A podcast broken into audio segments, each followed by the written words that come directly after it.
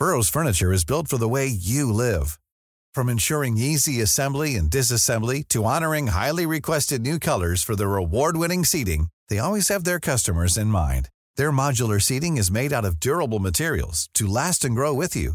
And with Burrow, you always get fast, free shipping. Get up to 60% off during Burrow's Memorial Day sale at burrow.com slash ACAST. That's burrow.com slash ACAST. burrow.com slash ACAST. Hey, Dave. Yeah, Randy. Since we founded Bombus, we've always said our socks, underwear, and T-shirts are super soft. Any new ideas? Maybe sublimely soft. Or disgustingly cozy? Wait, what? I got it. Bombus. Absurdly comfortable essentials for yourself And for those facing homelessness. because one purchased equals one donated. Wow, did we just write an ad? Yes. Bombas. Big comfort for everyone. Go to bombas.com slash ACAST and use code ACAST for 20% off your first purchase. Og da starter vi tiende episode av Tid er penger, en podkast med Peter Warren. Eh, vi kan starte med vår lille jingle.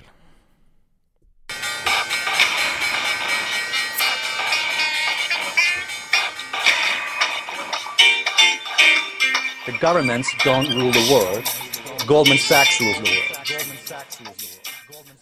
Bra intro. Eh, Den der bakgrunnsmelodien er tatt opp fra en telefon som er tatt opp fra en telefon, så vi skal prøve å forklare det litt. Dette er den tiende episoden av Tid er penger med Peter Warren. Jeg er produsent Sverre, og vi samarbeider med IG Markets for å lage podkasten. IG er en nettmegler for private investorer og tradere som er aktive i finansmarkedet, og som har høye krav til teknologi og plattform. Hos IG kan du handle et bredt spekter av markeder, og i tillegg til norske aksjer kan du handle et bredt utvalg av internasjonale aksjer. Eh, Du kan også handle eksotiske råvarer som appelsin og sukker, og så kan du handle valuta, statsobligasjoner.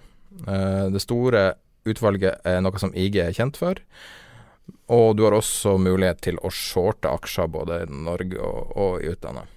Eh, Stort sett alt er mulig å shorte. Og denne uka, eller forrige uke, så anbefalte Erik Hansen fra IG Markets at man skulle shorte appels... Eh, nei, lo, long. Noe han Orange juice, ja.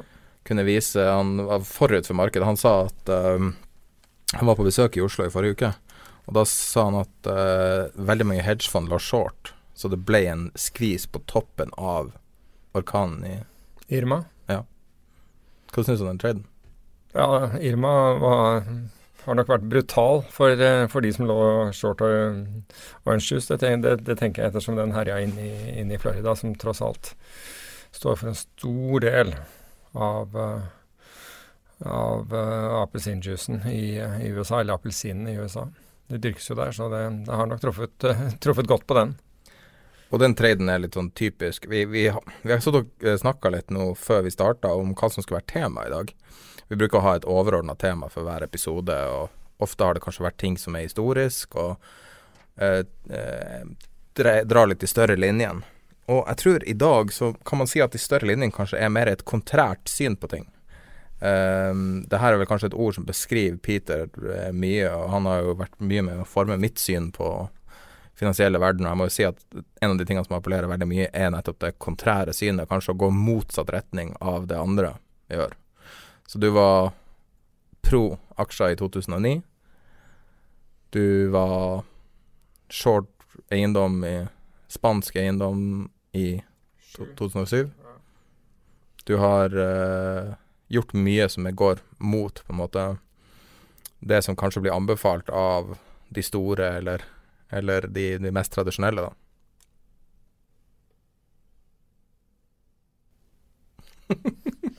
Du har Ja, en kommentar. Jo, men jo, altså, du kan si at jeg, jeg tror Jo, for så vidt, men, men jeg, altså, jeg tror egentlig det er min natur å, å være å være kontrær på godt og, på godt og vondt. Altså, og det der å ikke ta det folk sier til meg som får god fisk, uten på en måte å, å, å tenke over det. Vi hadde jo noe lignende her forleden hvor, hvor, hvor på en av episodene, jeg husker ikke om det var nummer ni eller åtte, hvor vi var, så vidt innom bitcoin, og, og, du sa du hater bitcoin. Og, og, og ja, altså det vi har snakket om det, og jeg sa, men mitt svar på det var at jeg kan ikke nok om det. Jeg, må, jeg trenger å tenke på det. Um, og, det er vel egentlig sånn jeg er, at jeg, jeg, må på en måte tenke litt over det. Og til tider så får du disse Det kalles mania på, på engelsk, jeg er litt usikker på hva du kaller det på norsk. i... Um, i finansmarkedet hvor alle på en måte er enige og går i en eller annen retning, og du ser at dette her er dette er egentlig liksom på en måte skrikende gærent, enten fordi pris er langt altfor høyt i forhold til uh, verdi, eller, eller, motsatt, pris er langt under verdi, som, som av og til skjer. Um, og da finnes, finnes det muligheter, og disse mulighetene finnes ikke hele tiden. Og, og ofte så Altså, trender går lenger enn man tror. Og min du kan si en av mine svakheter tidligere i, i finans uh, var at, at, jeg ville gå imot for tidlig, uansett hva det var. Altså om det, gikk til oppsiden hvor jeg begynte å shorte, eller om det gikk til nedsiden hvor jeg begynte å, uh, å kjøpe. Og, og, jeg brant meg egentlig altså Du kan si at egentlig også i 2008, som du nevnte, jeg traff ganske sånn klokkerent med å gå, gå short spanske statsobligasjoner. Men når det gjaldt uh, aksjemarkedet i forhold til kredittmarkedet, altså i forhold til det norske markedet, var jeg åtte måneder tidlig. Åtte måneder, altså det er uendelig å sitte på en måte på feil side av noe. Altså når på en måte Altså dine konkurrenter tjener penger fordi de, de fortsetter å, å, å, kjøpe aksjer, spiller ingen rolle. Jeg syns at tegnene er helt grusomme, at nå dette her Dette vil klappe sammen. Dette hører ingen, ingen sted hjemme. Um, men det er klart at det går første måneden, og så går det andre måneden, og investorene ringer deg og sier liksom hvordan ja, du er knapt opp denne måneden. For det var ikke slik at vi tapte mye. Men uh, og, og det, det, er sånne situasjoner hvor, hvor du men, men, du lærer av det, da. Hvordan kan du gjøre det bedre? Hvordan kan du på en måte være uh, Om du vil få ideen din ut i markedet, men ikke blø så mye før, før på en måte eventuelt du får rett. Og bruken av, av, opsjonsstrategier er eh, for meg en, en, løsning på det. Altså strategier som gjør at ok, jeg taper ikke for mye. Hvis, det, hvis fallet liksom kommer i morgen, så er jeg med. Men jeg taper ikke for mye, selv om den der fortsetter å gå oppover. Og, og jeg, jeg, traff altså Av og til så, Noen ganger så har du jo absolutt flaks, og det hadde jeg i, um, i, uh, i 2000 da jeg shortet, da jeg shortet uh, teknologi. For jeg gjorde igjen det gjennom opsjoner. Jeg kjøpte put-opsjoner på Nasdaq og utstedte og, det, og de kostet ganske mye, for det var stor volatilitet på, på Nasdaq. Men for ikke blø i hjel på det, så shortet jeg put-opsjoner på SMP 500. Um, slik at jeg hadde egentlig veldig lite negativ uh, altså, kostnad. kostnad. på det. Um, og, hvis, og, og, hvis Nasdaq fortsatte å, å, gå oppover, så kunne jeg bare gjenta, altså, gjenta dette kall det veddemålet, på et høyere nivå. Altså Jeg ble ikke skadet, for jeg lå ikke lineært short. Hadde jeg shortet aksjer, så kunne jeg blitt båret ut, ikke sant? for det gikk mange hundre prosent. Eller den hadde gått opp mange hundre prosent. Um, men så var jeg så, i dette tilfellet så heldig at, at, vi hadde knapt fått på posisjonen før det bikket. Men det er det som er liksom, det problemet med å være kontrær, da. Um, det er ingen vil høre på deg vet du, når du er kontrær. Nei, og, og, ikke bare det, men altså det å være tidlig er virkelig et problem. På, hvis, du ser, hvis du bare tar et eksempel som er litt lett å forstå. Han eh, første som eh, går short i um, The Big Short. Det er et ganske godt eksempel på, på å være tidlig ute, nesten det samme som å ha feil. Ja, men der husk på der at Ja, men ikke bare altså, Han må jo gjennom et helvete. Ja, og, og, det var vi også, for så vidt. Men ikke bare av markedsmessige grunner, men fordi markedet ble manipulert. Altså Det var en manipulasjon i stor grad. ja, Men det burde han jo på en måte ha skjønt. Nei, du, altså, i det, i det, du gjorde ikke det, for du visste ikke hva som var på den andre siden av traden din.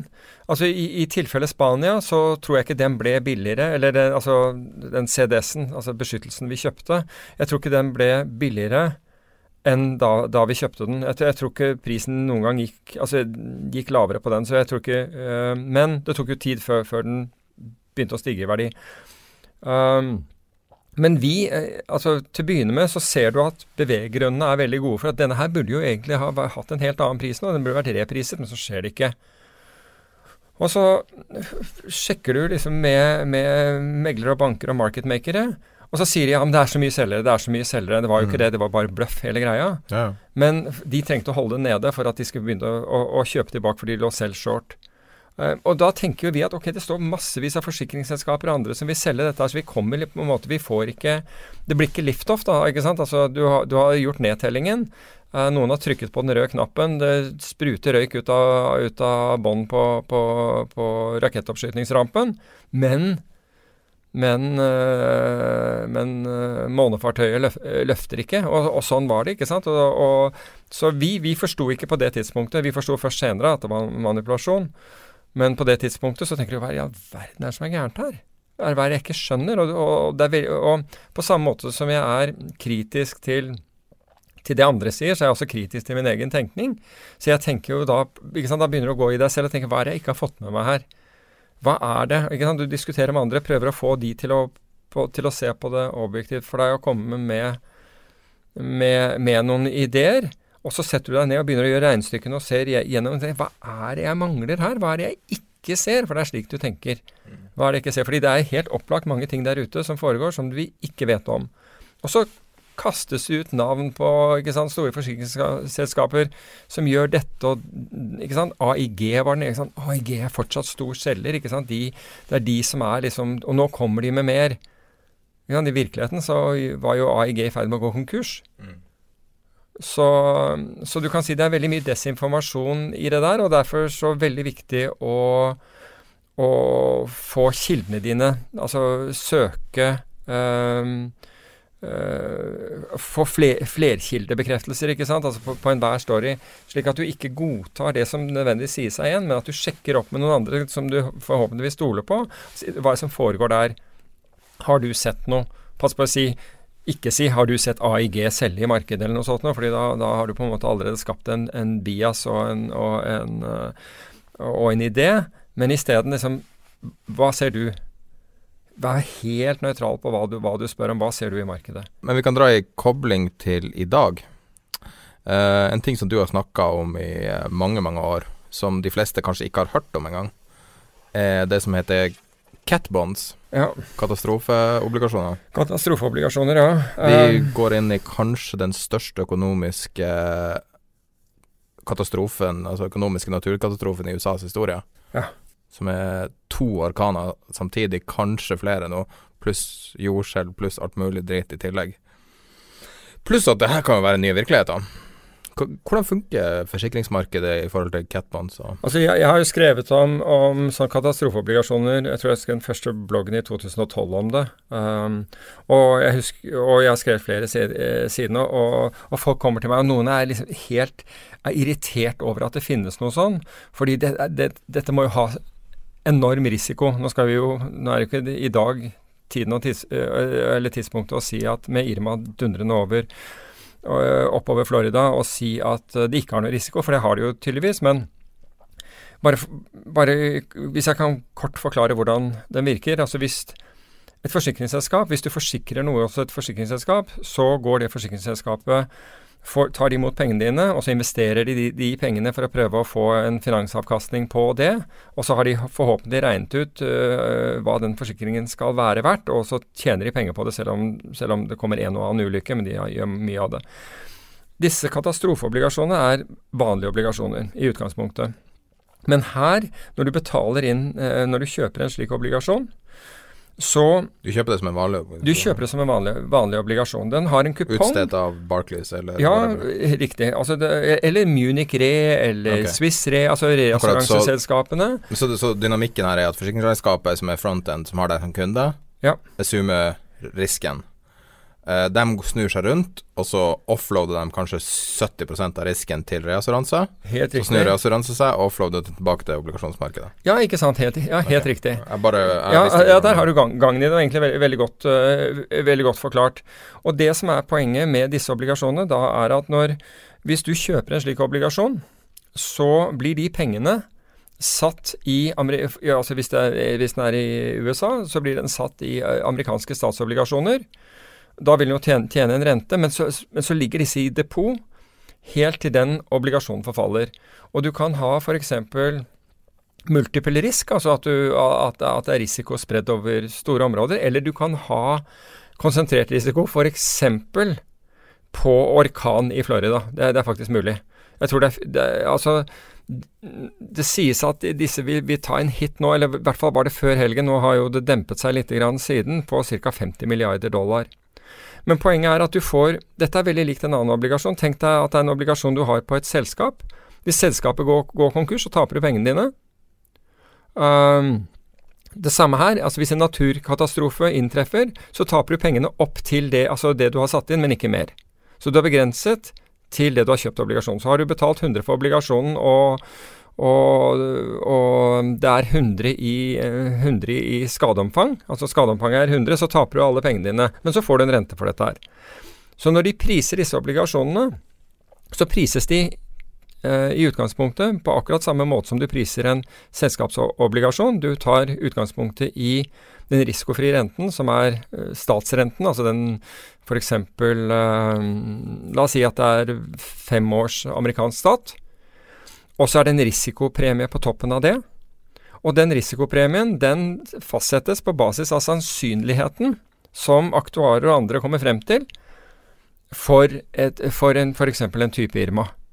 Liksom, hva er sannsynligheten for den i, i, i, løpet av disse eh, la oss si tre årene eller fem årene eller hva som helst? Hvor mye gir den sånn? Altså Hva er renta på den? Ja, altså, du kan si at uh, de har gitt Altså siden 2013 så har vel så har i hvert fall Catbond-indeksen, altså hvis, så, da tar vi gjennomsnittet av, av, alle, gitt litt over 6% rente. De ga i fjor ga det 7 Um, året før fem og et eller annet. I år blir det et ganske stort tap, da. Ja, altså i hvert fall for noen av disse her. Men, er det den Swiss Re-indeksen? Jeg bare googler her mens du snakker. Ja, altså folk bruker jo gjerne den, eh, den, som en sånn referanse på hva som foregår. Men nå har vi snakket om det der med sannsynlighet, så er det ett element til som kommer inn når det gjelder prisingen, og den kommer inn når det gjelder prisingen av alle obligasjoner. Og det er på en måte tilbud og etterspørsel. Og hva har vi sett i obligasjonsmarkedet? Jo, vi har sett at renten har falt og falt og falt. Tenk deg at i, i 2007-2008 så hadde du europeisk high yield. Da, da fikk du 26 rente. Vet du hvor mye du får nå? 2,6. Og det er nå folk driver og kjøper det. På, på, europeisk high yield 2,6% rente får du i dag. Og, der, ikke sant? og det gjør av og til at disse obligasjonene, også katastrofeobligasjoner, blir priset dumt. Altså sånn der matematisk ikke smart. Fordi de prises ikke i henhold til den risikoen som, som er der, og det gjør for guds skyld heller ikke Det er vanskelig å kvantifisere den risikoen, da. Ja, det, ikke sant? Ja, det er mulig, men altså, ja, du, du samtidig er verden i forandring. Du kan dra inn fryktelig mye data, ikke sant? og så kan ja. du se på f.eks. det at verden er i forandring. Og du kan mene at det er menneskeskapt, eller, eller skapt av, av tilfeldigheter, spiller ingen rolle. Men du tar for deg datasett, og så forsøker du å kalkulere hva er sannsynligheten for at, dette, for at vi får en Irma. Har du tradet det noen gang? Nei, jeg har aldri tradet det. Kunne du tenkt deg å gjøre det?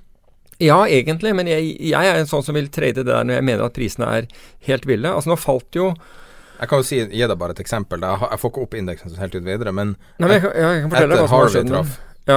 så falt det 0,44% så det er ikke akkurat sånn. Nei, fall, altså nei. hele indeksen. Ja, men nå, den falt 16% på fredag, så mm, bare for å, bare for ja, å men når værmeldinga kom, ja. ja, ikke sant. Nå, nå, den falt 16 på, fredag, og de Florida Eh, sentrerte eh, katastrofeobligasjonene datt 50% Altså de falt ned til 50 eh, cent på, på, på dollaren Finns og tradet rundt der. Hva? Fins det en EDF? Aner ikke, jeg har ikke prøvd Ja, helt sikkert, men jeg har ikke prøvd å finne dem. Ja, det uh, fins en ETF som heter Sve Droe. ok. Ja. Jesus, det er sofistikert å handle ETF på et sånt produkt, da. Men, men, men, det interessante er, vet du, er at, at og, og, og, hva er det, altså, Så begynner jo dette altså Alle skjønner at disse katastrofeobligasjonene og de som følger med i det der markedet, skjønner at disse tar en hit. Men det er ikke annerledes enn at noen tar en hit, f.eks. som vi som norske, norske øh, oljeserviceobligasjoner gjorde da oljeprisen falt. Ikke sant? Altså du jeg, jeg tror du kan predikere oljeprisen like bra eller dårlig som du kan predikere været i, i, i, i, Altså fra Karibien opp i Florida, bare så det er sagt. Eh, jeg tror ikke det er noe bedre eller dårligere sånn. Ja, Sist gang du hadde en stor, var jo Andrew tolv år siden. Ja, du hadde Sandy i tolv, i hvert fall, husker jeg. Og Ja, Nå tenkte jeg Florida spesifikt. Oh, ja, sånn ja. Um, men, men poenget her er at altså, og, så, og så begynner det og så begynner jo chatteren nå bl.a. i Viken, og det er hedgefondene ikke sant? Det er kun hedgefond som sitter på dette. her, Nå dundrer dette her Nå bommer de fælt igjen. Vet du hva? Hedgefond sitter på 2 Pensjonsfond, banker Helt riktig. Altså Hedgefond sitter på 2 pensjonsfond. av, uh, av, av catbonds. Helt riktig. De som virkelig sitter på det, er, er helt andre. Det er basically fordelt akkurat som aksjer og alt annet. Helt riktig. Det, Så det er ikke mer enn eksotisk enn det. men- jeg vil påstå at katastrofeobligasjoner har én fordel som f.eks. selskapsobligasjoner øh, ikke har. ikke korrelert. Helt riktig. De henger ikke sammen med økonomien for øvrig. Nei. ikke sant? De, de, været og økonomien har forhåpentligvis ikke mye med Å hverandre å gi gjøre. med men- 6 er jo ganske solid, da. Ja, det er jo det. Altså litt over Ja, litt, over- så, så du kan Så si hvis du sammenligner med en selskapsobligasjon, så vil Ja. jeg si at risken er omtrent Ja, Altså, altså, altså Se nå, nå på Sidril denne uka. Ja. Altså, det her var jo no, her er no, Jeg satt og tenkte tilbake på det, på Sidril, altså. Altså, når man, når man er i kontrær, mm, når man tenker kontrært, som er liksom det vi det, Når vi ser overordna på det her nå, og jeg satt og tenkte tilbake på den dagen da eh, Petrobras gjennomførte, tror jeg, den største økonomiske transaksjonen i verdenshistorien, som var utstedelse av obligasjoner. Jeg mener, husker Mm. det var det. Tenkte jeg bare det her kan jo umulig gå bra. Det her kan jo ikke gå bra. Et sånn type land og sånne type størrelser. Og altså, det var jo ikke det at jeg var profet, men det er jo Altså, der har jo pengene bare flomma ut, samtidig som markedet da har snudd, og, og det, var jo, det var jo ikke bærekraftig i det hele tatt. Og det er jo en katastrofe som nesten Ja. Nesten på størrelse med finanskrise, i hvert fall for Brasil. Men det er bare det Men det er samtidig utrolig vanskelig å være kontrær, da. Det var utrolig vanskelig å være negativ til Sidril i mange, mange år. Syns du ikke det? Jo, altså du kan si at jeg, jeg, jeg følger jo ikke enkeltaksjer med, med, med, med så nøye. Og en annen ting er at på en måte Jon Fredriksen har på en måte alltid stått ved selskapene sine. eh, Som gjør at det der blir en joker opp, oppi det hele. Og så er jeg litt usikker på hvordan man skal prise det inn i, inn i, eh, inn i regnestykket. Så, eh, så, mens mange har sagt ja, men du bare ser på altså verdiene de har, gjelden de har i forhold til verdier, og den er jo ganske opplagt. At, Mm. uh, men så har du den der jokeren, og så er det short skviser, så Og så har du uh, svære utbytter og ja, så Det er mye attraktive ting der også. Ja, ikke sant. Så jeg, jeg, jeg Altså, hva Altså, hvis du, hvis du er negativ til Sidril på basis av Aiel kontra, kontra verdier, så er det liksom hvordan shorter hun best, ikke sant. Altså aksjer. Ja, og så plutselig får du en sånn der vanvittig short squeeze eh, mot deg. Da må du ha, så da må du iallfall kunne sitte.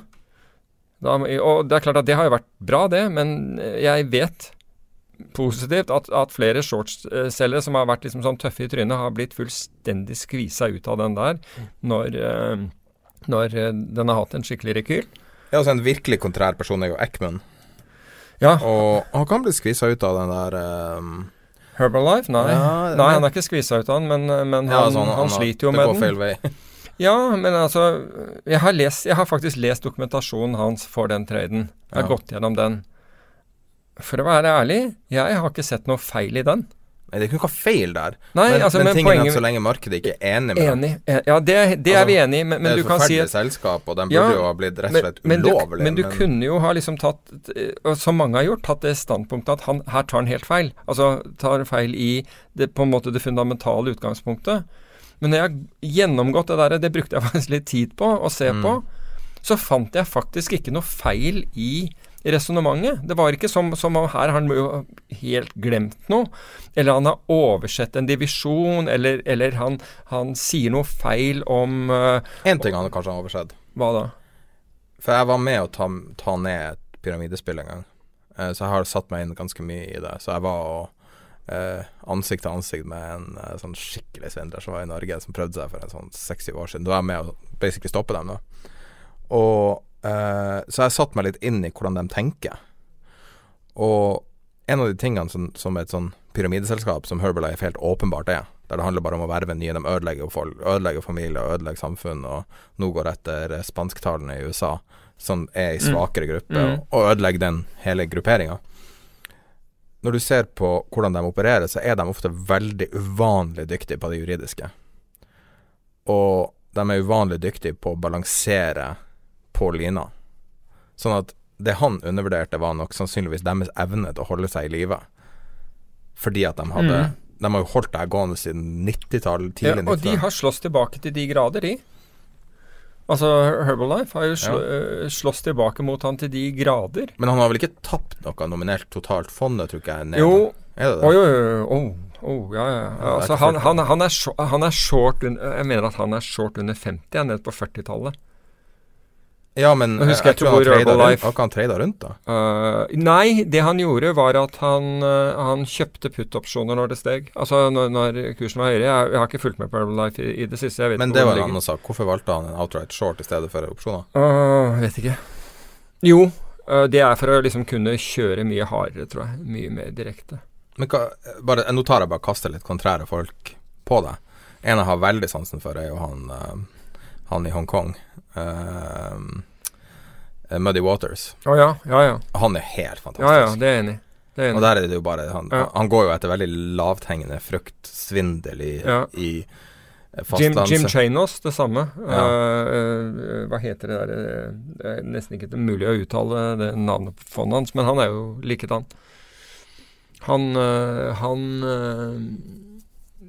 Enron var vel det hans store, tror jeg, i sin tid, men han har gjort flere. Kynikos, er det det? Ja, ja det er et eller annet sånt. Kynikos. Hvis det var noe sånt. Ja. Nei, men, men det er det å være Det er så utrolig attraktivt med kontrære folk. ja. Og du ser eh, på forsida av Finansavisen i dag, så var det han der eh, økonomen Krølta, jeg husker ikke, Andreassen, eller hva han heter. Så sier han nå at eh, Oslo Han er alltid kontrær. Uansett hvordan sak det er, så er han kontrær, for da kommer han i avisa.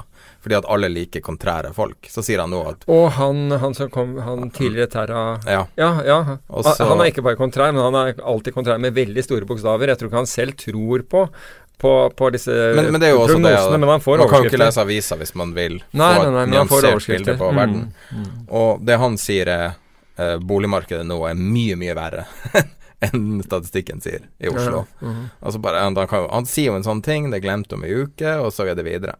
Men det som er ofte mye mer attraktivt, er jo dem som uh, put their one, money where their Ja, mouth ja. is. For det en ting er at du har en- liksom en jobb om å få oppmerksomhet mot, mot uh, i, forhold, altså i forhold til arbeidsgiveren din, og skal gjøre, gjøre det. Og en annen ting er om du sitter faktisk og trader.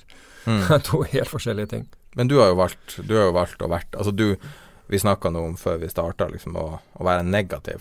Og det, det, er slitsomt med negative folk. Ja, men altså, altså Sånn jeg, jeg, jeg, jeg oppfatter meg ikke eh, som det i det hele tatt. Det er Nei, jeg sier ikke at du er det, men det er Nei. slitsomme folk. Ja, uh, tvert imot. Men altså, jeg syns jeg får kjeft uansett. Altså, jeg, egentlig. Fordi når jeg er positiv, da er alle andre stort sett negative. Og da får jeg like mye kjeft der. Men du kan si at stort sett så Altså, markedet stiger mer enn de går ned. Og derfor så drukner du jo på en måte når, når ting begynner å gå oppover, så er det ingen som gidder å høre på stemmen din, for da, da, da er alle positive.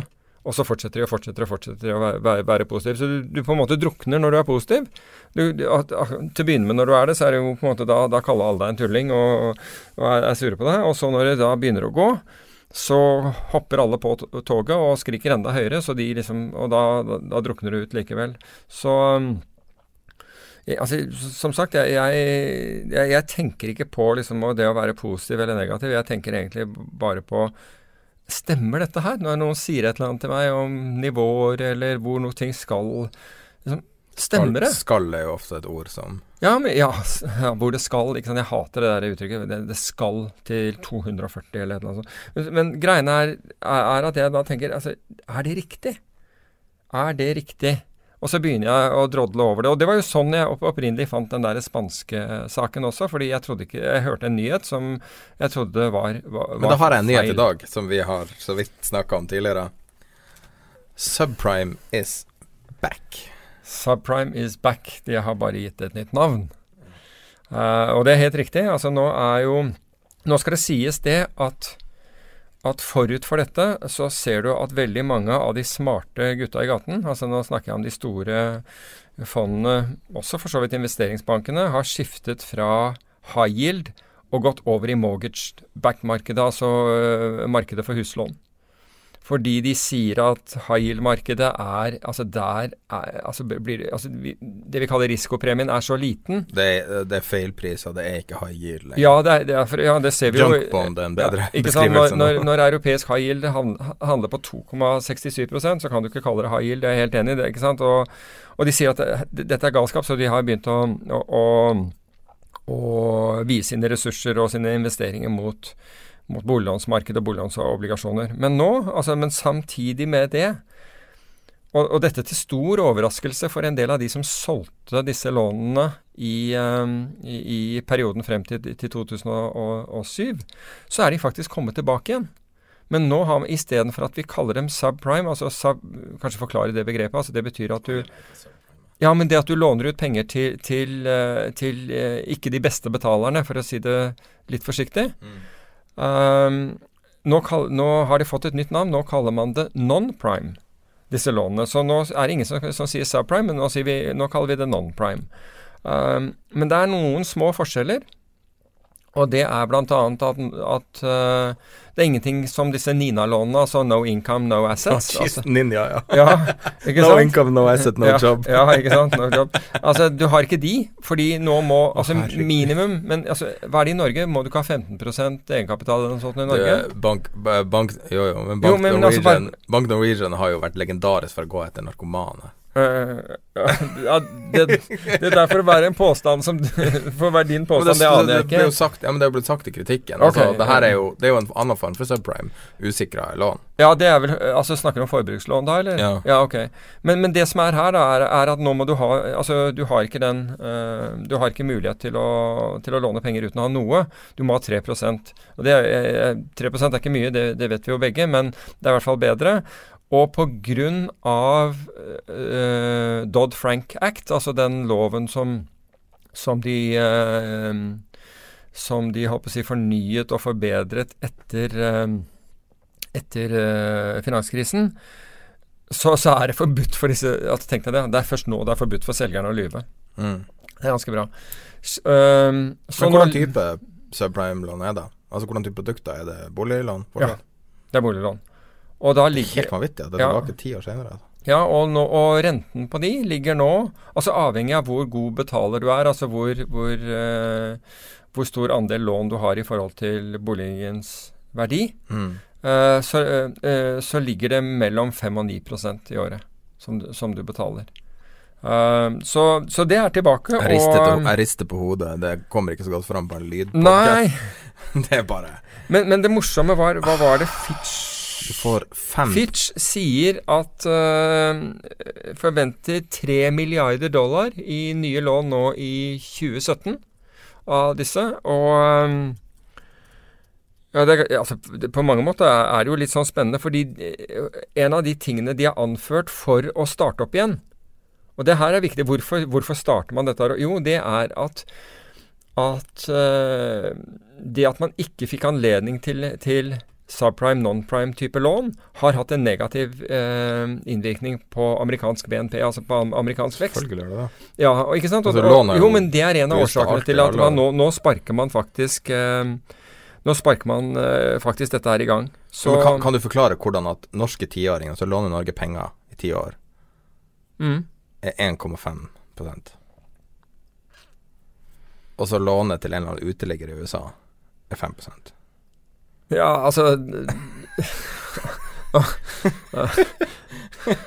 Du har en måte å si det på. Det skal du ha. Uh, altså, det er så, så Å låne penger til Russland får du 7,5 Ja, i ti år. så, men, men, men, bare, bare altså, Større sjanse for at Jo, Russland men går altså, for å si det på den måten enn uteligger i USA. altså, vei, altså USAs største ja, de er, er de størst nå? Det vet jeg ikke. Kanskje Doubletree er større nå. Men i hvert fall Pimco, da, som er, i hvert fall var USAs største obligasjonsforvalter, eh, er inne, har, har gått inn her. Og Blackstone har gått inn her. Så du kan si at the, the big boys driver i dette markedet.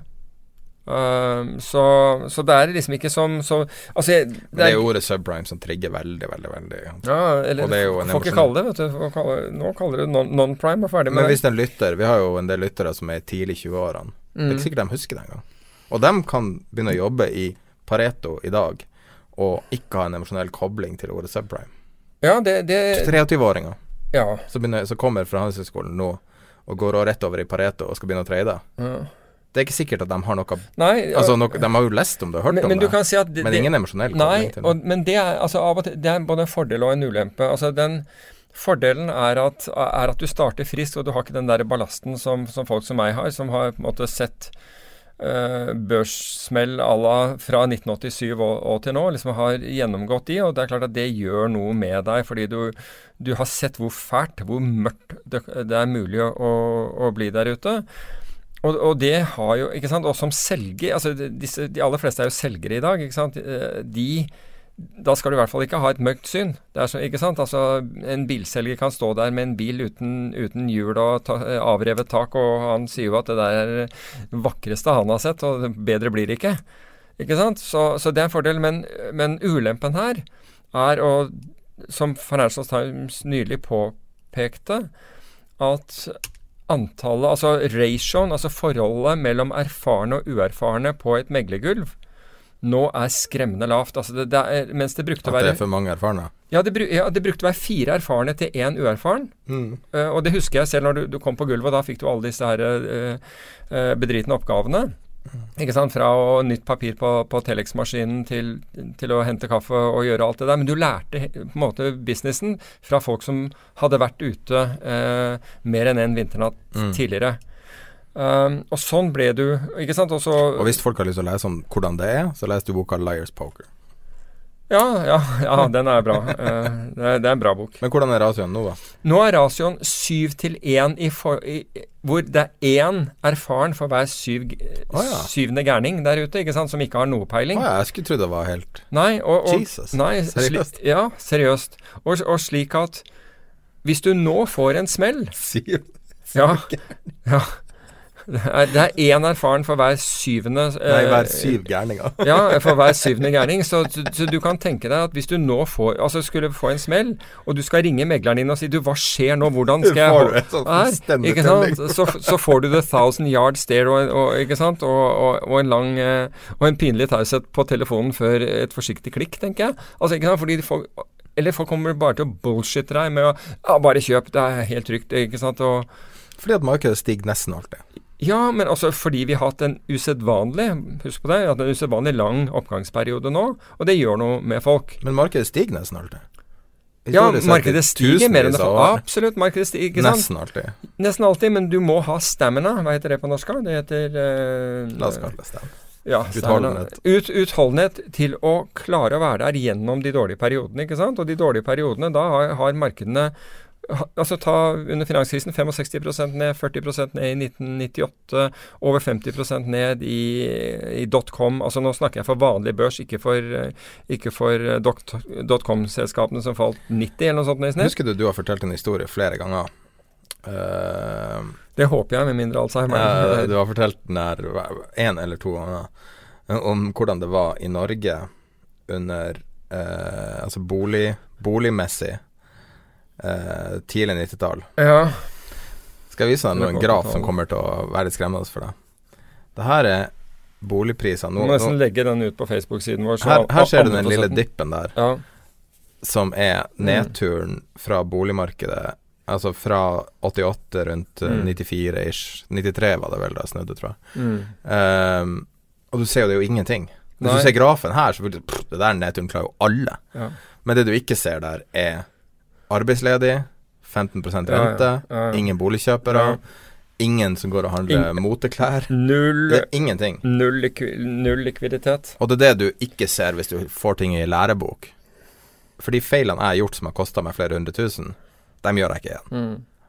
Men de feilene jeg har lest om, det blir sånn akademisk. Liksom. Og les, så hvis du kjøper bitcoin, og så sitter der 300 år etter uh, det der uh, tulipanboomen, som er Ja. basically akkurat det samme, Ja.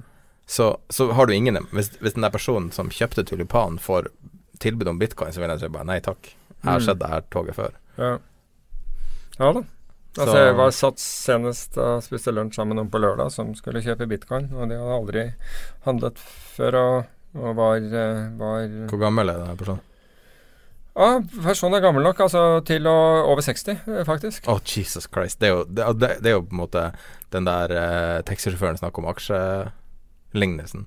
Når 60-åringer snakker om bitcoin, da er det et problem, altså.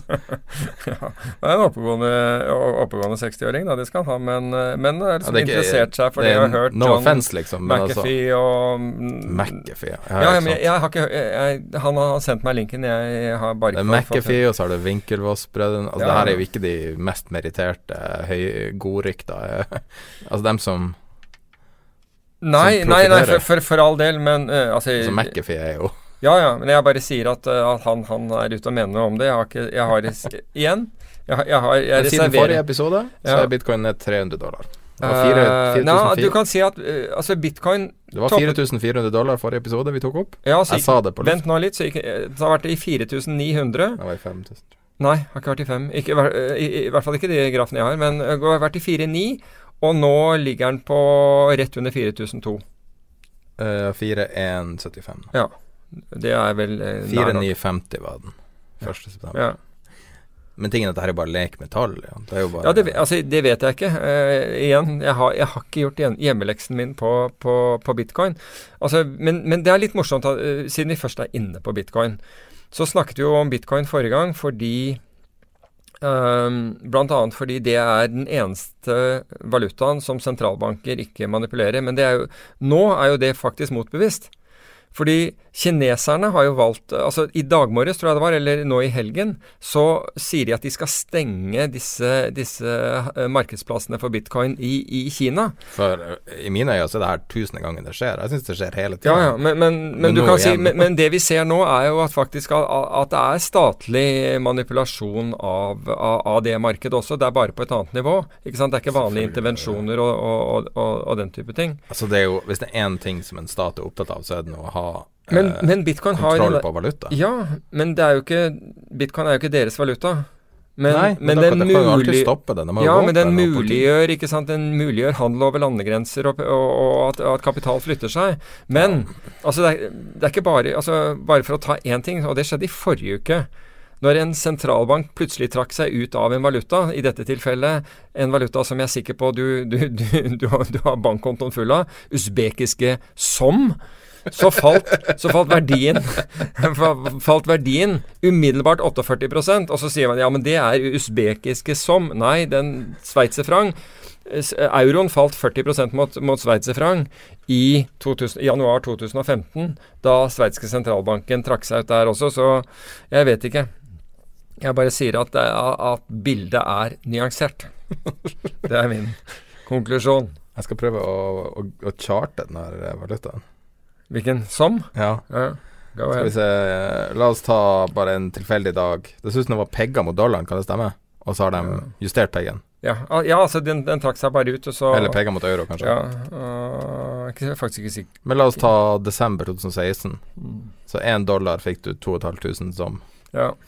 Nå er det 8000. ja. Det, det, sånt, sånt gjør vondt, men Det er liksom bitcoin-kurve der. Ja da, men having said that altså, altså Alle driver og, og snakker om det amerikanske aksjemarkedet, ikke sant, som er opp ca. 10% i år. Ok? Men samtidig så har dollaren falt 20 så amerikansk eh, internasjonal kjøpekraft er faktisk ned. Ikke sant? Og du kan jo, Men det er en annen ting som du kan jo også Jeg skal ikke ta på å ta meg æren for det her. For, Men en annen amerik ting som amerikansk oppgang eller dollarens nedgang, tenkte du på nå? uh, Du Nei, jeg skal ikke ta på meg Det, det, er din eh, Det er din påpeking der. Men jeg sier det likevel. Um, det er noe litt spesielt som skjer nå, som man kan si er en mulig ledende indikator. Og det er Goldman Sachs, Ja, som er rules the world i henhold til vår lille jingle.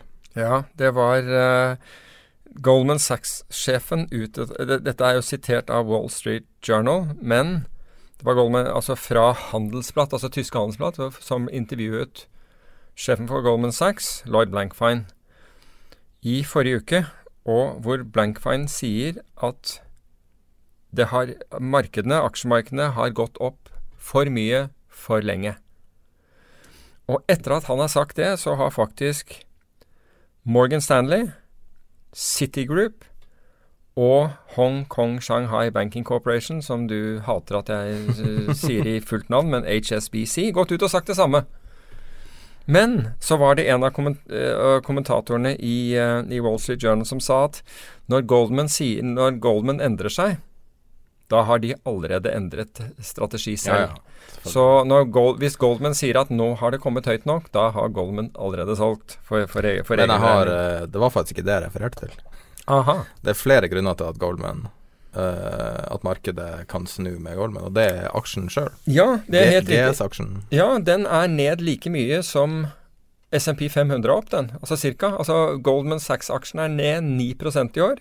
Mens, som jeg nevnte i, i sted, uh, SMP 500 er opp ca. 10% Og den amerikanske bankindeksen er også ned i år. Det mindre enn 1% Men poenget her er er at når disse Altså det, dette er syklisk industri. Altså banking er regnet som en syklisk, uh, syklisk industri.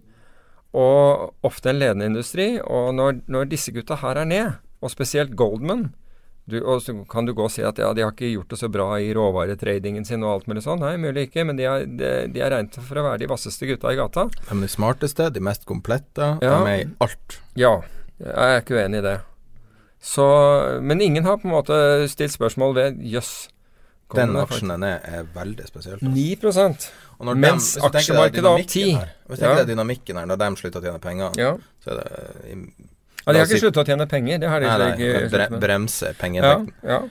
Uh, så tenker jeg, hva er årsaken? Uten å se på det. Så bare mm. Man skulle anta at utstedelser av whatever er ned. Mm. Sånn at det er mindre aktivitet i næringslivet. Man skulle anta at deres tradinginntekter kanskje er ned, som kan indikere at det er lavere volatilitet, f.eks. Mm. Som også er en sånn ting som kan ligge der og presse som er i fjær som er ikke, ikke er utløst. Og så har du liksom utallige sånne ting fordi at de er involvert i alt. Ja, eller eh, det og og eller at Goldman faktisk ser på det altså, Og det, det, det fremkommer jo i en del analyser nå, er at markedene er nå helt løv, løsrevet fra geopolitisk eh, eh, ge, ge, den geopolitiske situasjonen. Mm. Uh, med all den usikkerheten som er der. Og det er jo flere kommentatorer som sier at altså, nå driver folk og ser, altså, ser på, kun på selskapsspesifikke ting. Altså analytikere som kommenterer, kommenterer kun det, og lar være å kommentere den geopolitiske situasjonen. Og der har jeg, altså Mens vi er på det temaet, så, så, så var det en norsk bank sin, sin, analytiker som i forrige uke ble bedt om å kommentere, eller var det uken før, som ble bedt om å kommentere dette med, med Nord-Korea. Uh, det var da de hadde sendt en rakett over Japan og, og, og bebudet en, en, en ny en. Uh, og, og, folk var nervøse. Da kommer han på og skråsikkert sier at ved sånne tilfeller så, så, er, eh, så, er, det som regel veldig kortvarig. Eh, kortvarig, eventuelt veldig kortvarig nedgang. Og da lurer jeg på hvor mange som denne noen og 20-åringen Hvor mange tilfeller av nær nuclear holocaust denne personen refererer til og har sett. Jeg tror det var hydrogenbombe. Ja, ikke sant? ja, riktig. Det var i forbindelse med Og da lurer jeg på liksom Hvor stort statistisk grunnlag kan denne personen ha for å uttale det der, eller er det bare vås? Og etter å ha tenkt meg grundig om i omtrent to eh, millisekunder, så kommer jeg til at dette er bare grundig vås. Altså Hvis han personen har lyst til å gå til å gå og sjekke, så kan du se hva som skjedde 20.8.1953. Der eh, denne overskrifta var. Ja, akkurat. Russ has H-bomb. ja. men, men, men, men, du kan ja, altså, det, er jo, det, her er jo liksom det eneste. Altså, ja. Det eneste tilfellet. Men, du kan se på mange typer av, av, krigsutbrudd, og, og, det er ikke noe og, og, og, der vil jeg gi vedkommende rett. Altså, det er ikke nødvendig, litt avhengig av hvor, hvor, hvor uh, brått ting har skjedd at markeder går ned. Noen ganger så har, har liksom de gått ned i forkant, og så har de idet krigen starter, gått opp, osv. Så, videre. mm. så hvis det er det man refererer til Men her er liksom snakker om at noen tar frem en hydrogenbombe, og har akkurat bare uke før sendt en rakett som blåste over, over Japan, og som virker og, og, og hvor lederen virker kanskje en smule ustabil. Uh, Og da lurer jeg på hvor mange tilfeller Altså når du skal Altså det er vel skråsikkerheten du har ja, problemer med. ja, det er akkurat det. Altså Når du putter det der inn i den sannsynlighetskalkulatoren din, hvordan, hvor, hvor går den og henter dataene fra? Jeg sier Så det, hvor den kommer ut og sier 1953, vet du, hva, her, 1953 ja, Den gjør ikke det, vet du. ikke sant? Altså, den, den, har, den har ikke et statistisk grunnlag for dette. Vi er i uncharted territory. Altså, Jeg ville jo aldri seilt i nærheten av grunt vann med denne personen her. For han ser jo kun på overflaten. Men det her er det som er problemet. Det er så vanskelig å være kontrær. For folk som sitter og hører på noe som jobber f.eks. i aksjemarkedet, som vi har en hel del av, som sitter på diverse meglerbord, kaller det en krakknisse, f.eks. Det er sånn begrep som blir kasta ut på diverse fora. Og det at du er negativ og permaber en annen. Ja, ja, sånn. ja. Men problemet er at det her er bare Realitetene nå er Det er ikke rosenrødt. Nei, det er ikke rosenrødt, men, men du kan si at Men det er masse muligheter. Men det som er bra oppi det hele, og det er det vi har snakket om hele tiden, det er at det fortsatt er mulig å forsikre seg billig. Mm. Det er jo det som er det absurd bra i dette her. Men folk vil ikke ha forsikring. Nei. Ikke sant? Og- Og, og, og- og, altså og, og, og vi hadde jo en, eh, vi hadde en utveksling eh, på Messenger i helgen angående dette med bilforsikring. Altså Folk hadde jo ikke tatt bilforsikring heller hvis de ikke ble pålagt å ha det. De hadde ikke tatt forsikring på huset sitt hvis ikke liksom långiver hadde forlangt det. Altså Folk forsikrer jo ikke ting. Det? De har en kognitiv sperre mot å betale forsikring hvis de ikke må. Stort sett. Um, og, de, og selv om prisen Nå skal det sies at prisen på, på opsjoner, altså det å forsikre eh, det å forsikre seg i aksjemarkedet altså Volatiliteten er jo opp over 30 siden vi begynte å snakke om dette her. Eh, nei, faktisk den er mer. Den er opp nesten 50% siden vi begynte å snakke om dette. Nesten 50 um, Det var på ni, altså Vixen. ja, den var jo rett, 9, rett under ni. Rett under ni, og ikke sant? Og så um, Så ja, 33 opp, da. Men uh, Og har vært høyere. Men um, det, det er i hvert fall verdt å, tenke, verdt å ta til seg at forsikring er fortsatt billig, er fortsatt en gavepakke. Men altså, Hvis du, hvis ting du, sånn hvis du har kapp- behov, men, hvis, kapp- men hvis du ikke bryr deg om for eksempel, Ja. syns jeg er direkte attraktivt nå. Ja, kan være det, fordi altså, Gud ting vet hvordan den priser, men ting, det er et interessant tidspunkt. å. Ja, det er det. Fordi én ting som er sikkert, det var at som, som en konsekvens av Irma, så gikk Catbonds opp. Altså Ca- Catbonds falt i verdi, men, men, men, eh, men gikk opp. Mm. Som er inverset av, av verdien. Over hele verden. Altså Catbonds spilte ingen rolle hvilken region det var. Mm. Men det her er noe vi har snakka masse om. Det er jo at du får et det man kaller et tight marked i altså i uh, reassuransemarkedet, Mm. som gjør at alle forsikringer på jorda kommer til å stige betydelig nå. Og det her er fantastisk nyhet for forsikringsbransjen. Eh, du får lokale tap. Eh, noen sånn frontend-bedrifter, altså det som tilsvarer Noe blir wiped out, men ja. Men de forsvinner kanskje fordi at de ikke har klart å håndtere den lille andelen de har håndtert sjøl. Mm. Og så selvfølgelig veldig stor andel har jo ikke forsikring. Men til syvende og sist så kommer det her til å føre til at Så jeg, jeg vil si at det, det her er ekstremt bullish for forsikringsmarkedet. Ja, men samtidig så er det, er det bra konkurranse i det markedet. Og så plutselig, og det, og, og, um, plutselig kommer det inn en, en ny aktør som sier Vet du hvem som er verdens største reassurør? Hvem som er en enkeltperson? Det er faktisk en person som er den største i ja. Er det Warren uh, Buffett? mm. Ja. Han er jo forsikringsmann, ikke Ja, ja. finansmann. Nei, Nå er nå forsikring finans i aller høyeste grad, men likevel. ja.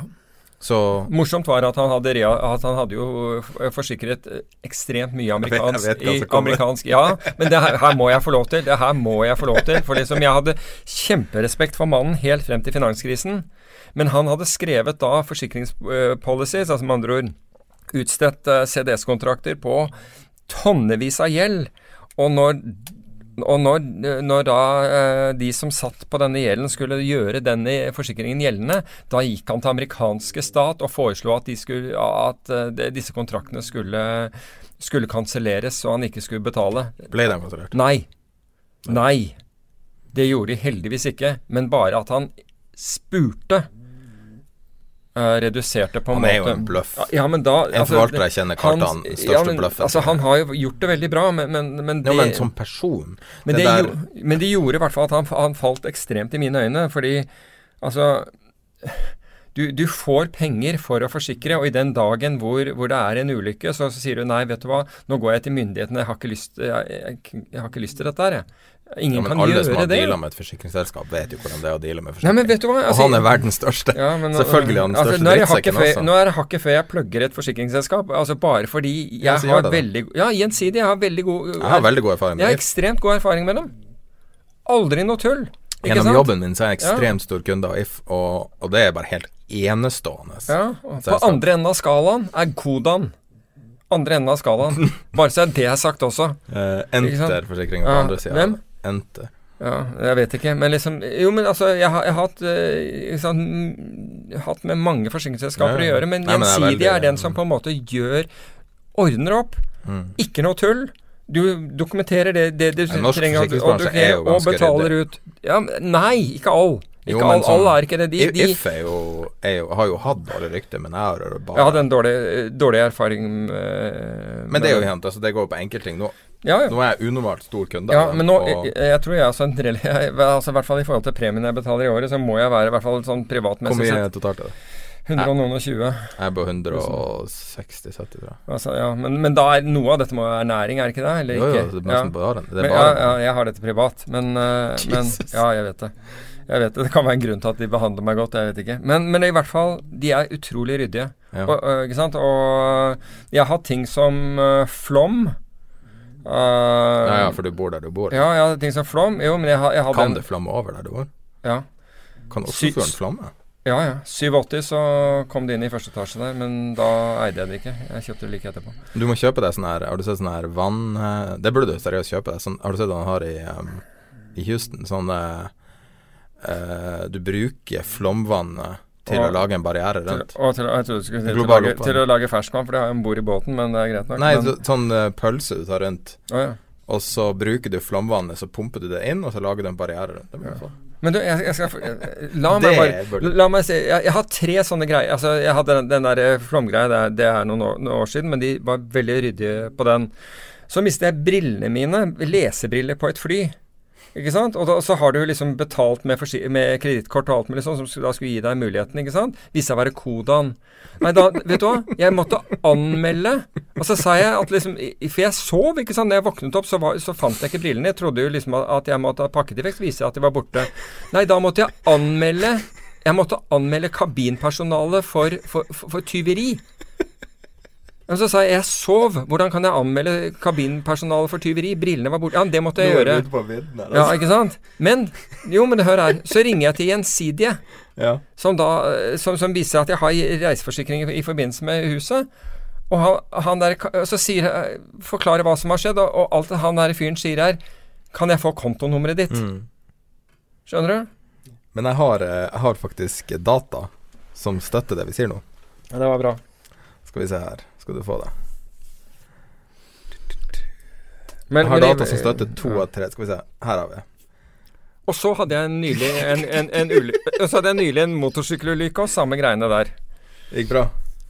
Ja, hva, hva, hva, det gikk Nei, bra etter fem timer på akuttmottaket, så og Nei, vi trenger ikke gå Du har ikke så langt ut på vidden allerede.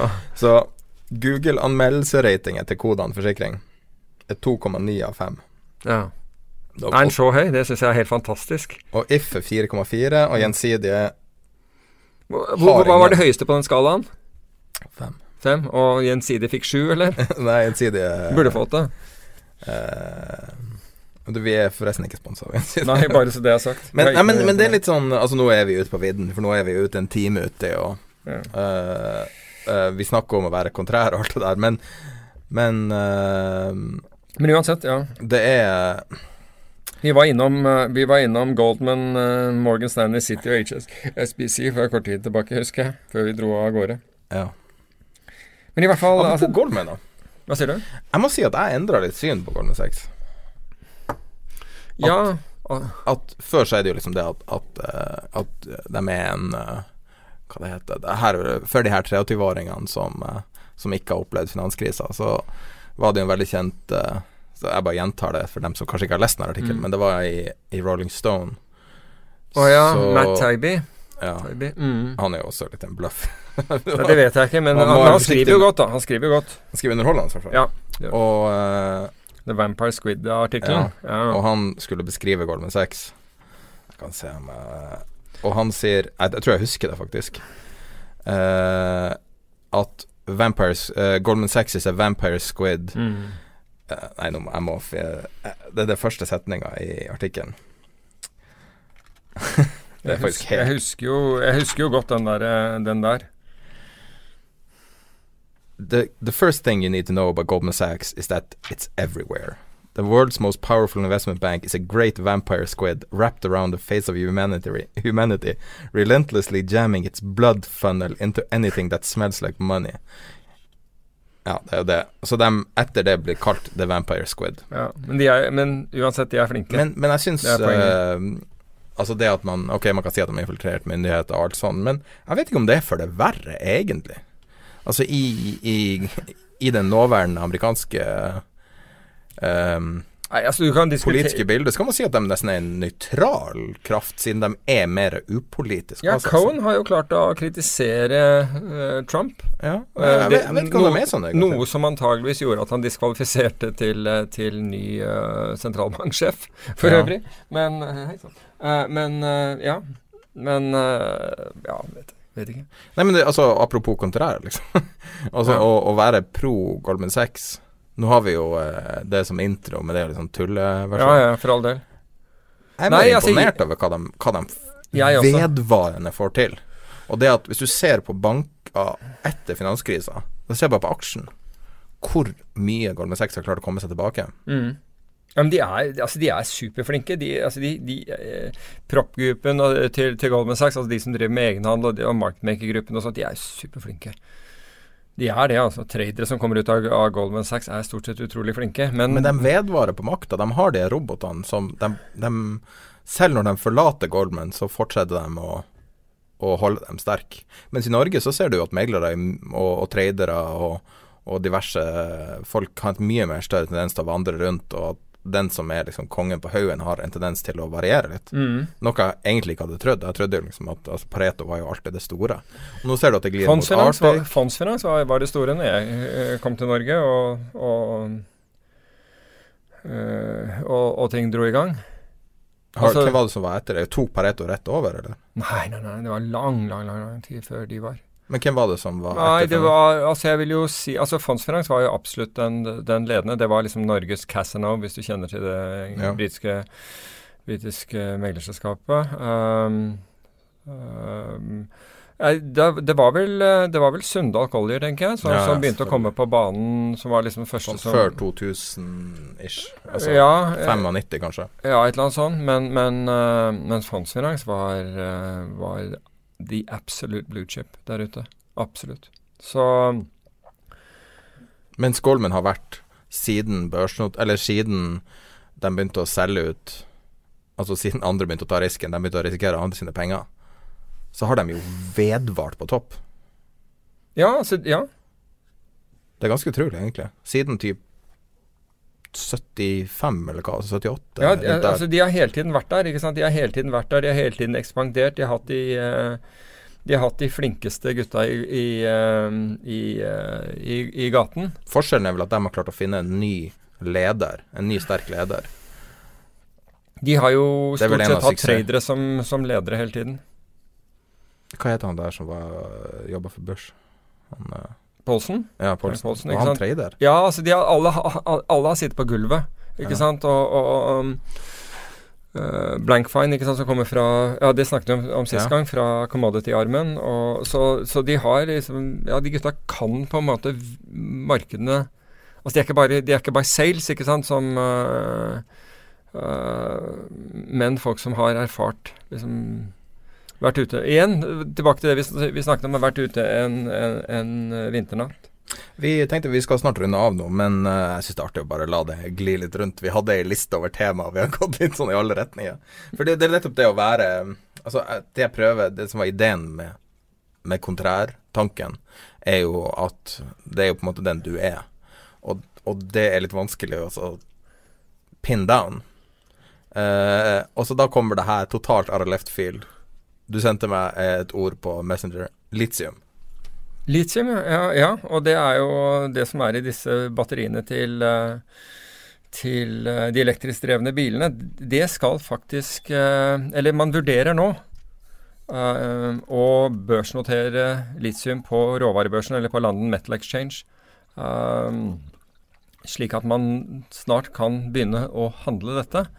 Og greiene er med, med Det har jo steget Altså litium har jo hatt en, en, en, kraftig eh, oppgang. Altså jeg, jeg, mener at det ligger på 14 000 dollar eh, per eh, er det, det, er per tonn, det.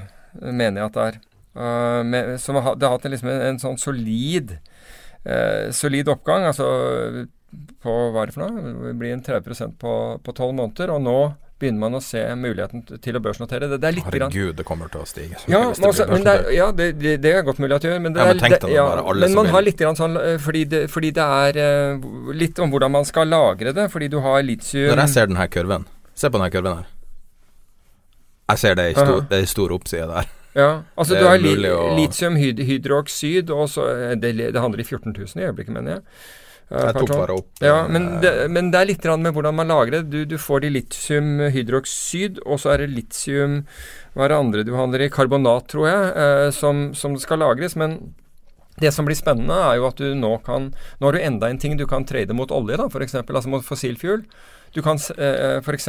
tre eh, Men er det en bedre trade på det? Ja, men du kan trade biofuel mot, ikke sant? Ja, men tenk, tenk, deg noe, tenk deg noe Altså, Én ting er jo hva du kan trade mot, men det andre er jo ja, da, altså, at folk vil ta et bet på framtida. Ja, helt sikkert. Men hva jeg sier er at nå kan du på en måte krystallisere hva du tror om fuel, altså fossilfuel kontra elektrisk kraft.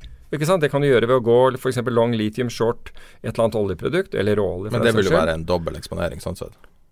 Nei, ikke hvis du går long den ene og short den ja, ja, ja, men det kan være en long short, da, for da, da, da trader du spredden mellom de. Du kunne trade som vi gjorde. Vi tradet jo vi tradet i sin tid sukker mot etanol. Ja. Ikke sant? Fordi uh, man i Sør-Amerika bruker, uh, bruker, sukker, mens man i, uh, i, i, USA ikke gjør det. Altså, eller de vil jo ikke importere sukker i USA til, til bruk for etanolproduksjon. Er det derfor de har bare det maisgreiene? Ja. Så morsomt, det også. Smaker dritt av all amerikansk mat. ja, det, ja, det er mulig. Men i Nei, hvert men fall Litium, altså hvis du ja. tenker deg Vi har stått og diskutert masse om biler i det siste. Ja. Peter kjøper seg ny bil, så da er veldig motstander av, uh, bil. av uh, Tesla. Uh, og prøver å snakke han ut av det, og prøver å lure han inn på en leasingavtale eller et eller annet sånt. Um, Kom med bud. ja. Og um, basically det, det vi har liksom diskutert, er jo at det er helt klin umulig å vite hva som kommer til å skje nå. Du vet at det er store endringer i bilbransjen. Alle de etablerte aktørene har en eller annen variasjon av problemer. Eh, altså Tesla er jo ikke profitabel, f.eks. Eh, Mercedes må jo legge om til nye drivlinjer. Men det er akkurat det. ikke sant? Tesla er ikke profitabel. Se hvor aksjen er. batterier. Jo, du, ja. Uansett hvordan teknologi som vinner fram, så må det på et eller annet vis være batteri. Og nå satser de på eh, det der eh, som spetaler på med, hva det heter, hydrogen. Ja, hydrogen lader jo batteri, ja. så det er jo fortsatt batteri som er businessen. Men jeg så apropos det, og apropos å være kontrær, så så jeg at en norsk, norsk forvalter, Jan Petter Sissener, hadde ligget short Tesla og liksom tatt mye penger på det. Um, angivelig. Angivelig. Dette er, avisa hver gang han hører noe. Ja, ja, dette var, ja, men det, det, var han selv som hadde uttalt dette her. Men nå altså Det er jo alltid sånn at altså, hvis du fall, fall, fall, prøver å fange en fallende kniv, kniv så begrenses i hvert fall nedsiden av at den, den, kniven står i gulvet. Men når du prøver å liksom Ja, men det gjør jo det. Men når du prøver å shorte noe, så kan jo det egentlig gå uendelig. Ja, Ikke sant, opp? Men i, i, i dette tilfellet nå, altså akkurat det du sa, nå kommer, nå kommer de store kanonene. Nå kommer de store uh, bilfabrikantene, ikke sant. Med, med, BMW og Audi, ikke minst, og Mercedes og alle med ren el. Nå nå, altså Tesla tjener ikke penger, og nå kommer de til å få konkurranse. Nå er, står konkurransen rett om døren. Det var faktisk en artikkel i dag som sa var tolv nye elbiler nye elbiler i en eller annen form skulle komme ut av BMW eller et eller annet sånt. Så, så nå Altså, nå har, du, nå har du i hvert fall fått Så Jan Petter, hvis du fortsatt sitter, sitter short, så er det antageligvis nå, nå, du skal faktisk sitte short, så Ja, og så heller kjøpe opsjoner eller whatever. Ja, man, ja jeg, jeg, jeg, kjenner ikke til opsjonsmarkedet på, på akkurat den. Men, men en, en annen ting, altså mer en sånn eh, kuriositet. altså Vi snakket i, for et øyeblikk siden om, om Gary Cohn, ikke sant, som, som sitter i, i, eh, i Trump-administrasjonen og sannsynligvis da Fordi han uttalte seg negativt om Trump, Trump ikke blir eh, sentralbanksjef. Så har vi en annen Cohn som skriver, eller riktignok Cohn på en litt annen måte, nemlig Steve Cohn, altså SAC Capital, Ja. som da Er han tilbake? Han er på vei tilbake. ikke sant? Han måtte betale en bot på 1,8 milliarder dollar fordi noen av hans ansatte i SAC, SAC Capital, hadde gjort innsidehandel. Ikke Steve Cohen selv, men han måtte betale fordi han hadde ikke fulgt med på hva disse gutta, eh, forvalterne hans, drev med. Right. Så han betalte 1,8 og, ble, og, og, og måtte da, fikk da ikke lov i en periode å forvalte andre menneskers penger. Men nå er han på vei tilbake. Og neste år så, og, og hans nye fond heter Stamford Harbour Capital. Oi. Og de og, Så det er ikke SEC lenger? Nei, Zack er ikke der. Han har, han har drevet nå eh, et familieselskap, altså eh, Family Office, som heter Point 72. Som for øvrig har flere hundre ansatte og kontorer i Hongkong, Tokyo, London, eh, New York, altså pluss en del andre steder. Um, og nå kommer han da eh, tilbake med eh, angivelig forfulgt, og det man regner med et eller annet sted mellom 2 og 10 milliarder dollar vil det, eh, hans nye fond åpne med Selvfølgelig. i kapital. Det, burde jo, altså, det er jo nesten ingen grense hvor mye penger han kan hente, skulle jeg tro. Ja, jeg Jeg ser, ikke, men, men, det er ganske men- trist å se. SAC Capital Advisor was a group of hedge funds. Ja. Jeg visste ikke at det var avvikla. Jo, så SAC Det, Det ble avvikla, så ble det til en serie på HBO, Ja. med, der han var ganske mye penere enn han er i virkeligheten. Så eh, den kjenner, den kjenner jeg godt til, fordi jeg oversetter Jeg oversetter faktisk finansuttrykkene i den serien. Hvordan foregår det i praksis? Ja, jeg Får du en mail med, Ja, får med manus? Nei, jeg får mail med, med akkurat de, disse sitatene og kontekst uh, rundt det. Så jeg, jeg ser faktisk ikke handlingen. Altså Noen ganger kan du gjette deg til handling, men uh, jeg ser ikke det. Men, men jeg, jeg får nok kontekst til at jeg kan Til at jeg vet hva det går i. Og det er mye, ikke sant. Så, så sånn gjør det. Men i hvert fall, så det er liksom den, den, den siste nyheten er, er at han er på vei tilbake for fullt. Det, det har for jeg fått med meg. Du får med deg mye rart. Ja. Og det er vel kanskje en bra avslutning. En ganske bra målenhet på at vi har holdt på for lenge, er at bikkja mi våkner opp og begynner å tygge på ei flaske i bakgrunnen. Så um, Flaskeindikatoren til Jesper. Ja. Så da uh, uh, tror jeg vi avslutter vår tiende episode, og uh, Det ble jo litt negativt, da, som Det var jeg som dro det litt i den retninga. Men du er jo kontrær, og ting har jo steget i mer eller mindre åtte år nå, så da er det vanskelig at man ikke blir negativ. Og så skal det falle 50-60-70 oljefondet er ned på en sånn to milliarder, og så kan man bli bull igjen. Jeg skal si, Hvis oljefondet med, som er lastet opp med aksjer nå, og du skulle få 60% ned, da skal jeg garantere deg at politikerne som stemte for å øke aksjeandelen, kommer til å, å stemme for å redusere den. Fordi norske folk tåler ikke, og ikke minst pressen, kommer ikke til å tåle den, eh, den volatili- Men det skal, det skal jo oppriktig ikke så mye til for at 7 milliarder blir til tre. Nei, Og de fortsetter å tømme det for penger. altså Var det noe som de sa at når Marcus og Martinus var 35 år, så var oljefondet oh, null? Var ikke noe som sa det? Men det, altså, det går fort feil vei når du begynner å bruke penger. Det er bare å se på Sopranos og sånne ting, da. Jeg Når det går galt. vei. Soprano klarer å Jeg ta- vil tenke at det går fort feil vei hvis du hører på de der to gutta òg, men det er en annen sak. Hvis du hører på. Marcus og Martinus. ja. ja. De selger masse hatter. Fantastisk. Nei, men da tror jeg vi avslutter episoden, og så skal vi ha en samtale med Erik Hansen fra IG Market, som uh, har vært litt uh, Nå vet jeg ikke om vi skal ikke snakke om uh, appelsinjuicekonsentrat, men Og hvis du ikke er medlem av vår Facebook-gruppe på Facebook, så anbefaler jeg det. Da er det bare å søke på 'Tid er penger'. Der skal vi dele Vi blir å dele litt mer der, altså det blir litt sånn Det er ganske mye informasjon der om stort og smått, så bare join den. Ok. Si ha det, Peter. Ha det, Peter. Det er mulig å belåne posisjonene hos IG Markets ganske betydelig. Eh, hvor hvor mye kan Det er det man kaller giring. Hvor, hvor mye kan man gire Og hvordan gir du kundene dine råd i forhold til å liksom, forholde seg til det her? Det er et veldig mektig verktøy å kunne belåne en, en finansiell posisjon. Ja, når det handler CFD så Sigros så, så är det en inbyggd belåning i produkten. Och eh, marginkravet varierer varierar beroende på vilket papper det handlar. Eh, handlar det FX till exempel så är det betydligt mycket lägre marginkrav och högre hävstång just för att eh, valutor brukar ha en mycket eh, lägre volatilitet än till exempel aktier eller index. Men uh, det man inte heller skal glemme bort er at uh, gearing behøver ikke innebære en økt risk. Uh, utan man må se til hele ekvationen når man ser til riskhanteringen. Eh, att köpa 1000 aktier hos IG eller hos en traditionella nätmäklare. da har du faktiskt eh, du har samma underliggande värde på din position. Eh, skillnaden är om du köper hos IG det är att ett mindre kapital som binds upp. och det är det som kallas för margin. Då. Så att uh, när man ska kolla på risken så måste man kolla på hela underliggande värdet på din position. Och ett vanligt misstag många gör i början uh, det är att de tar alldeles för stora positioner. Uh, och enbart kollar på marginen. Det man ska göra är att kolla på hur stor exponering har du i marknaden på din position. Så att bara för att man kan ta stora positioner så innebär det inte att man alltid måste göra det. Utan uh, trading för att bli framgångsrik trader så gäller det verkligen att ha strikt riskhantering också ha koll på de mentala och psykologiska aspekterna kring tradingen. Det handlar inte enbart om å kjøpe og selge på, på rett priser. Hvor stor giring en genomsnittlig IG-kunde har? Ja, om man kollar på, på valutor eh, och det här är ju eh, samma sak för alla mäklare. Så när man handlar valutor så brukar man ha en, en giring på 100 eller 200 gånger.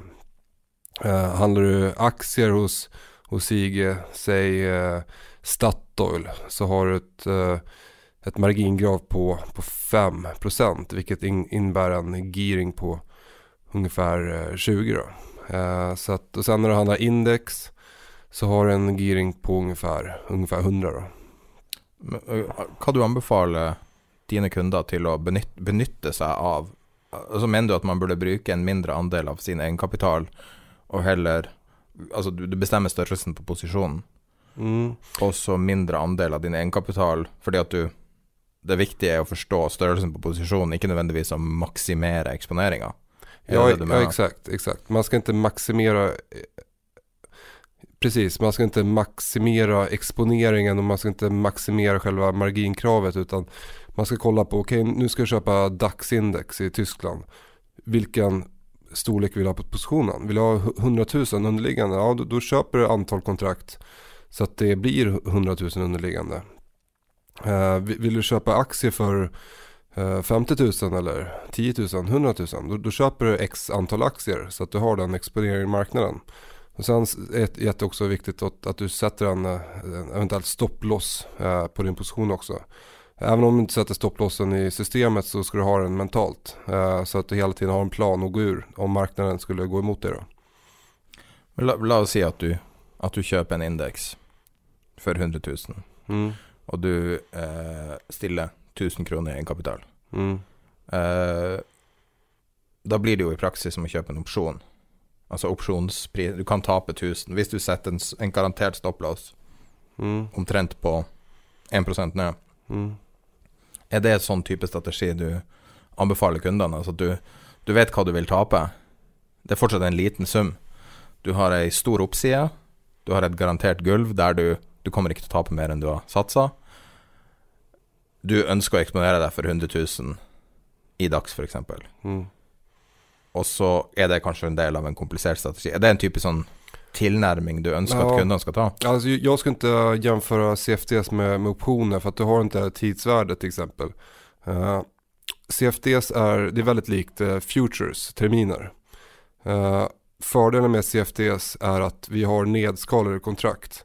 Så att om man kollar på Tyskland DAX-index som är väldigt populärt att handla. Är du professionell handlare så handlar det då terminen ofta. Eh, ett underliggande värde på ett kontrakt på dagsterminen är ungefär 300 000 euro.